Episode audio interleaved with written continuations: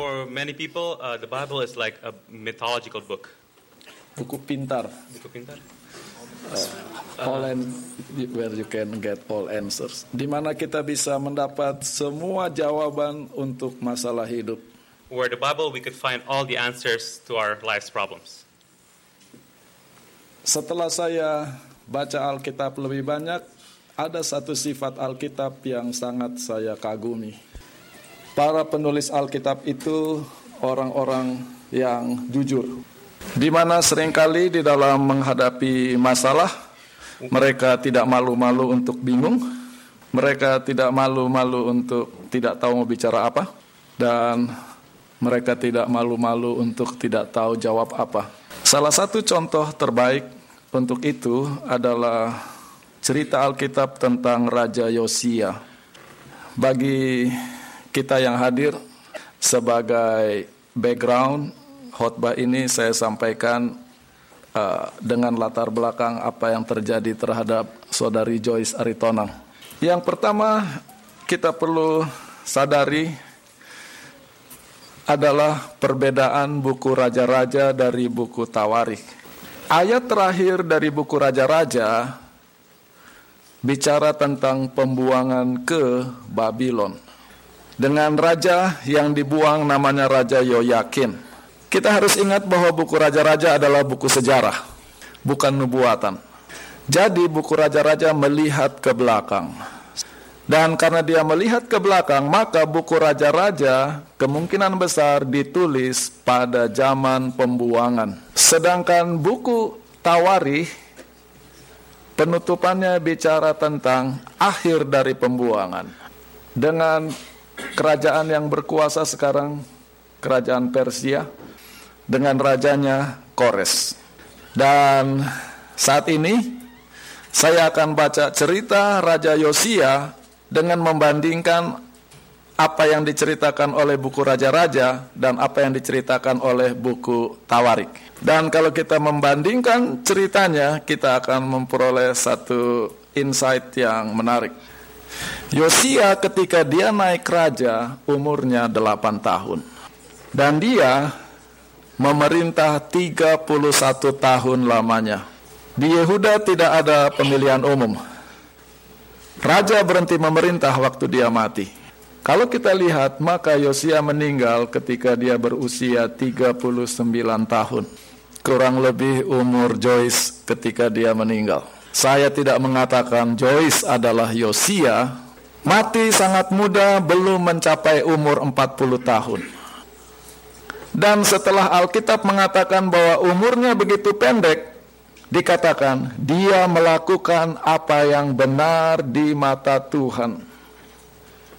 Tidak pernah menyimpang ke kiri atau ke kanan, jalan hidupnya sangat lurus. Dikatakan pada tahun ke-8 pemerintahannya, jadi dia berumur 16 tahun, dia mulai mencari Tuhan secara pribadi. Dan empat tahun setelah dia mencari Tuhan, dia mulai melakukan reformasi agama. Dia menghancurkan dan membongkar semua penyembahan berhala. Dengan demikian dia membersihkan bahkan menyucikan Yerusalem dan Yehuda dari penyembahan berhala. Lalu pada tahun ke-18 dari pemerintahannya, dia berumur 26 tahun, dia menyuruh rumah Tuhan, Ka'bah untuk diperbaiki. Jadi semua yang dilakukan dalam hidupnya selalu bersifat rohani dan berpusat kepada ibadah.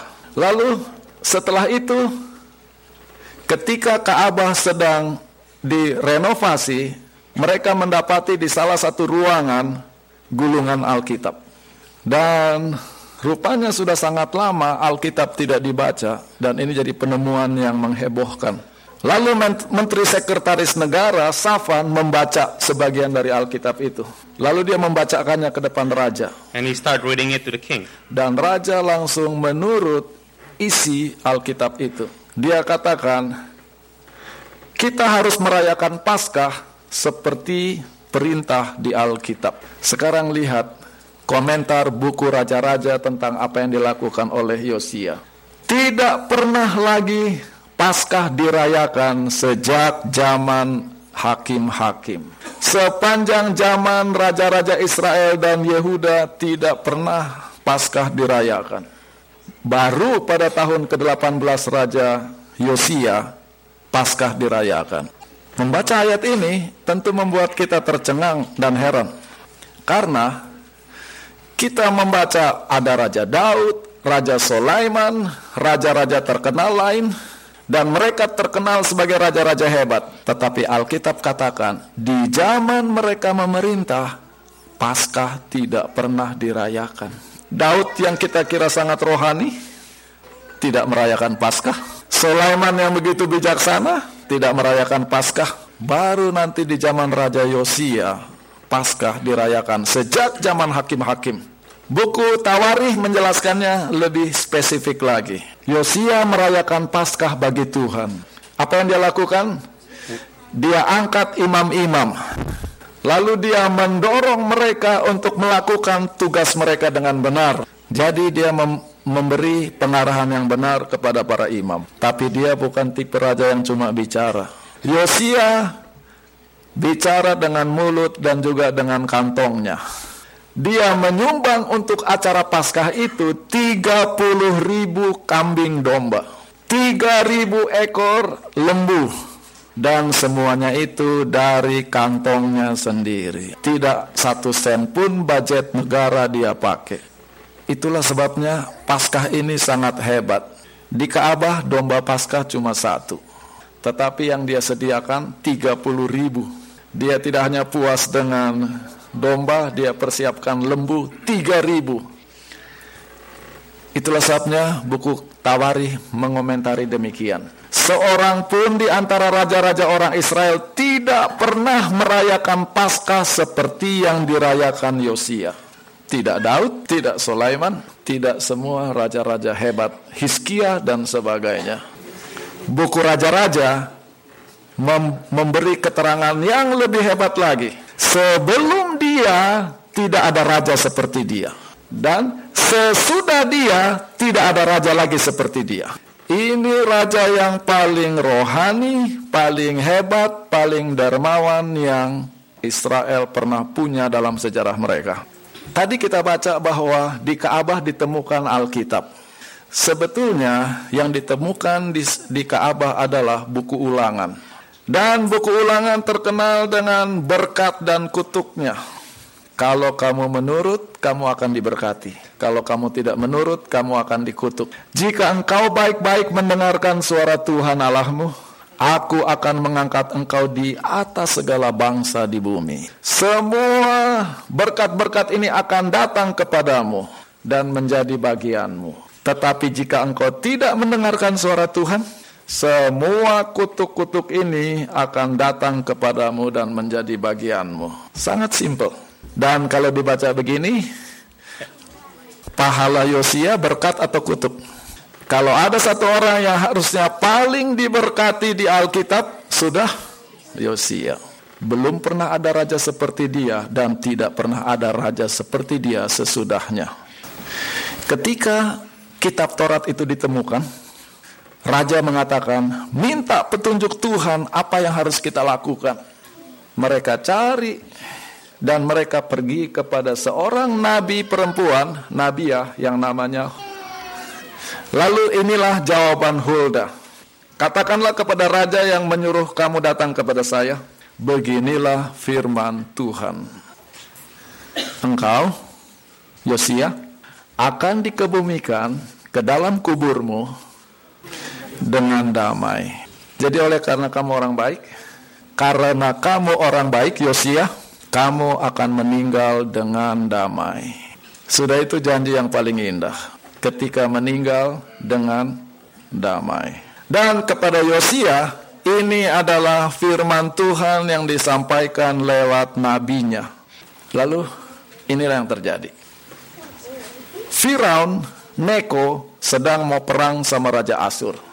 Dan untuk perang ke Assyria, pasukan Mesir harus lewat wilayah teritori Yehuda. Dan Yosia tidak suka wilayahnya dilewati begitu saja. Kedaulatan negaranya dia rasa tersinggung. Maka dia protes. Di Alkitab bahasa Indonesia dikatakan Yosia pergi menghadapi dia. Sebetulnya bahasa Ibrani-nya adalah kara, yaitu memanggil untuk berdialog. Tetapi apa terjadi ketika diajak bicara? Firaun tidak bicara apa-apa, dia hanya bunuh. Dan kalau saudara baca, peristiwa ini terjadi di Megiddo. Kapan-kapan saya akan khotbah tentang ini, Megiddo. Bahasa Ibrani untuk gunung adalah Har. Jadi gunung Megiddo adalah Har Megiddo. Yang dalam bahasa Grekanya menjadi Harmagedon dan menjadi Armageddon. Dan itulah perang Armageddon yang kita selalu bicara-bicara itu nanti ada akarnya di sini. Kapan-kapan kita ngomong. Jadi begitu saja dibunuh di Megiddo mati umur 39. Padahal Tuhan janji engkau akan mati dalam damai. Apa damai orang mati dibunuh tiba-tiba begini? Paginya masih sarapan, siangnya masih bicara-bicara dengan istri dan anak, sorenya sudah mati. Itukah mati dalam damai, dipermalukan? Lalu pegawai-pegawainya memikul mayatnya dari Megiddo ke Yerusalem. Lalu dikubur di Yerusalem. Saya senang kita bahasa Indonesia lebih jelas. Dibilang mayatnya bukan badannya. Jadi sudah pasti dia mati. Tolong saudara ingat, untuk saat ini dia mati di Megiddo. Sekarang kita lihat fung, uh, cerita versi buku Tawarik. Setelah Yosia memperbaiki rumah Tuhan, berbuat baik demi Tuhan, ada Raja Neko. Lalu Yos, Yos, Yosia keluar mau menghadapi Raja Neko. Lalu apa yang terjadi? Jangan jangan ganggu saya, jangan ganggu saya. Saya sedang perang, saya nggak mau urusan sama kamu. Tetapi Yosia tidak mau mundur. Dia maju terus. Lalu pemanah-pemanah Neko panah dia. Lalu Yosia berteriak, saya luka parah. Sekarang kita lihat teologinya dulu. Yosia punya opa namanya Hiskia.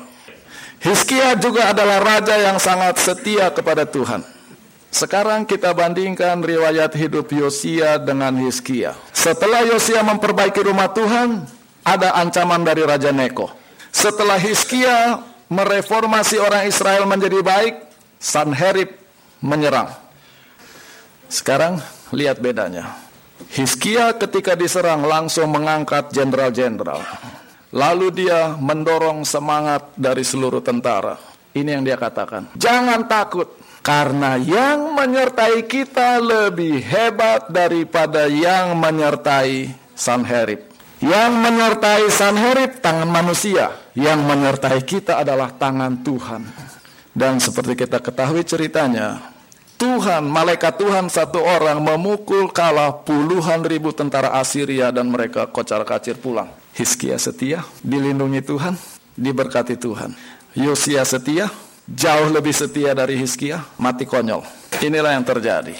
Sedengar apa yang saya mau bilang, ada permainan kata antara Yosia dengan Yosua. Di buku Yosua, Tuhan memberi janji. Kalau kamu berhasil menggantikan Musa, jangan menyimpang ke kanan atau ke kiri, supaya engkau beruntung ke mana pun engkau pergi.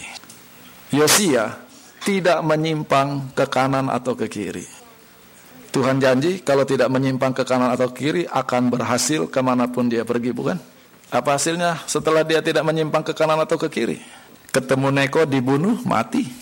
Inilah kenyataan hidup Yosia dibandingkan dengan janji Tuhan.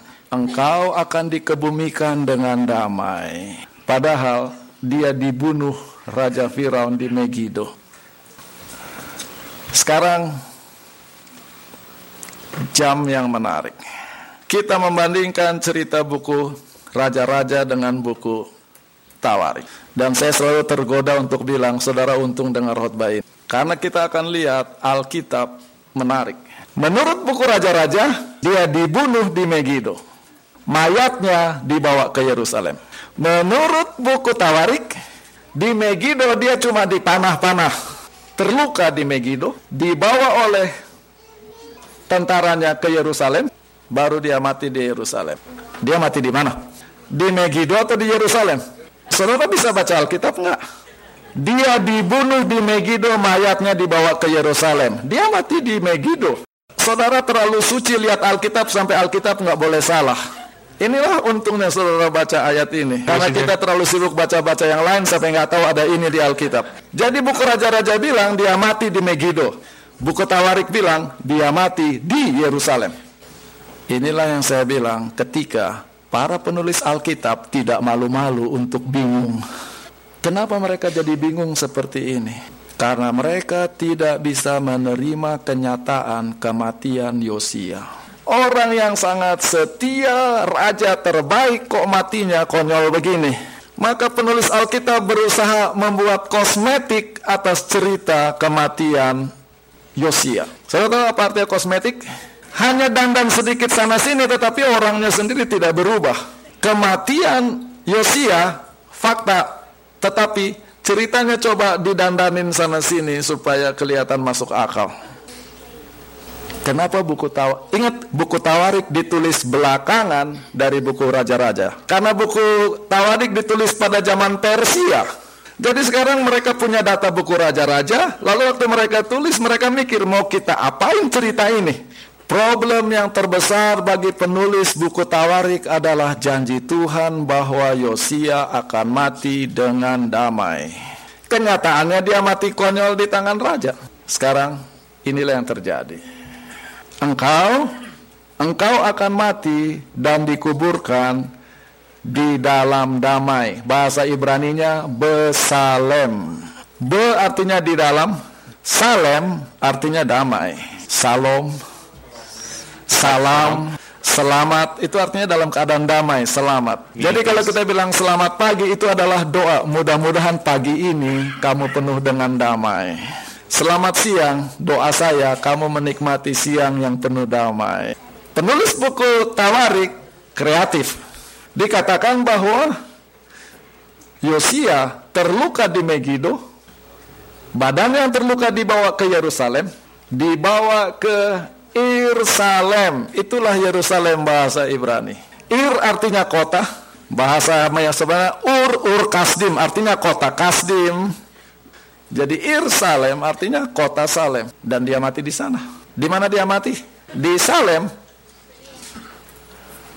Di Alkitab ada bukti bahwa nama tua untuk kota Yerusalem adalah Salem. Melkisedek raja Salem, bukan raja Yerusalem, raja Salem. Lalu dikatakan tentang Tuhan, Tuhan di Salem ada Kaabahnya. Tempat kediamannya ada di Sion. Sion adalah bukit di kota Yerusalem. Jadi penulis buku raja, raja uh, penulis buku Tawari bermain kata dengan kata Salem. Ini yang dia bilang. Janji Tuhan kepada Yosia bukan dia meninggal di dalam damai, tetapi dia akan mati di Salem. Yang bisa berarti in peace, tetapi poin saya penulis Alkitab berusaha mengubah cerita ganti sana ganti sini tetap poinnya tidak masuk akal. Karena memang kematian Yosia tidak masuk akal. Pada zaman Yosia hidup, hidup seorang nabi yang sangat hebat yaitu Yeremia. Sekarang melihat kematian Yosia, semua orang datang kepada Yeremia. Nabi, terangkan sama kami apa yang terjadi. Kenapa orang benar seperti ini matinya sial begini? Alkitab katakan kalau orang setia sama Tuhan, umur panjang ada di kan tangan kanan, uh, apa? Kebahagiaan ada di tangan kiri. Kenapa Yosia begini? Serta apa yang dilakukan Yeremia? Cuma membuat lagu ratapan. Ketika seorang nabi ganti profesi jadi penyanyi. Kalau mau menyanyi, tinggal minta trio atau penyanyi-penyanyi di sini nyanyi bisa kalau sedang begini. Kami tidak perlu nyanyian. Dari Yeremia mereka tidak mengharapkan nyanyian. Mereka mengharapkan penjelasan, mereka mengharapkan teologi, mereka mengharapkan nubuatan. Dia hanya tutup mulut, dia cuma nyanyi. Kenapa? Karena Yeremia tidak tahu mau jawab apa. Karena kematian Yosia sangat tidak adil. Dan di depan ketidakadilan ini, Alkitab tutup mulut tidak tahu menjelaskan apa. Dengan mengkhotbahkan ini, jangan tanya-tanya sama saya, kenapa Joyce mati begitu? Kalau Yeremia saja tidak bisa jawab, apalagi saya. Dan kalau Yeremia tidak bisa jawab, saudara jangan sok jago, sok jawab-jawab. Ini jalan Tuhan. Jangan bilang itu kepada keluarga Ritonang. Kenapa jalan Tuhan untuk orang lain indah? Kenapa jalan Tuhan untuk kami begini? Apa salah kami? Jangan bilang ini kematian Joyce jalan Tuhan. Jangan bilang sama keluarga orang ini waktunya. Kenapa waktu untuk orang lain panjang? Kenapa waktu untuk Joy segini? Di hadapan kematian-kematian yang tidak normal seperti ini, lebih baik kita ikut Alkitab, diam. Karena kalau kita coba menjelaskan persis seperti yang penulis Al, cuma kosmetik sana-sini, tetapi penjelasannya amburadul. Salah satu sifat dosa yang paling menyakitkan yang tidak kita sadari adalah tidak adil. Orang lain yang mabuk-mabuk dia setir mobil, orang yang tidak tahu apa-apa yang mati. Orang naik motor jungkir balik, uh, ngebut sana ngebut sini sehat terus, dilindungi Tuhan. Orang yang tukang bikin ribut, gajinya naik terus, uh, pangkatnya naik terus sampai dia tambah sombong. Seorang single mother yang berusaha membesarkan anaknya di negeri asing, memelihara kedua orang tuanya, tulang punggung keluarga, Tuhan ambil begitu saja. Tidak adil saudara-saudara. Dan di hadapan ketidakadilan, Alkitab tidak punya jawaban. Pada zaman Kaisar Roma memerintah, mereka merasa bahwa kekuatan mereka secara politik sudah menurun. Dan ketika kekuatan mereka secara politik menurun, mereka harus cari cara supaya orang tetap takut sama mereka. Caranya, Kaisar sekarang diangkat pangkatnya bukan kepala negara tetapi menjadi dewa. Maka sekarang orang bukan hanya perlu menurut pemerintah, tetapi mereka harus menurut Tuhan karena sekarang kaisar sudah jadi Tuhan. Dan tentu saja orang Kristen menolak.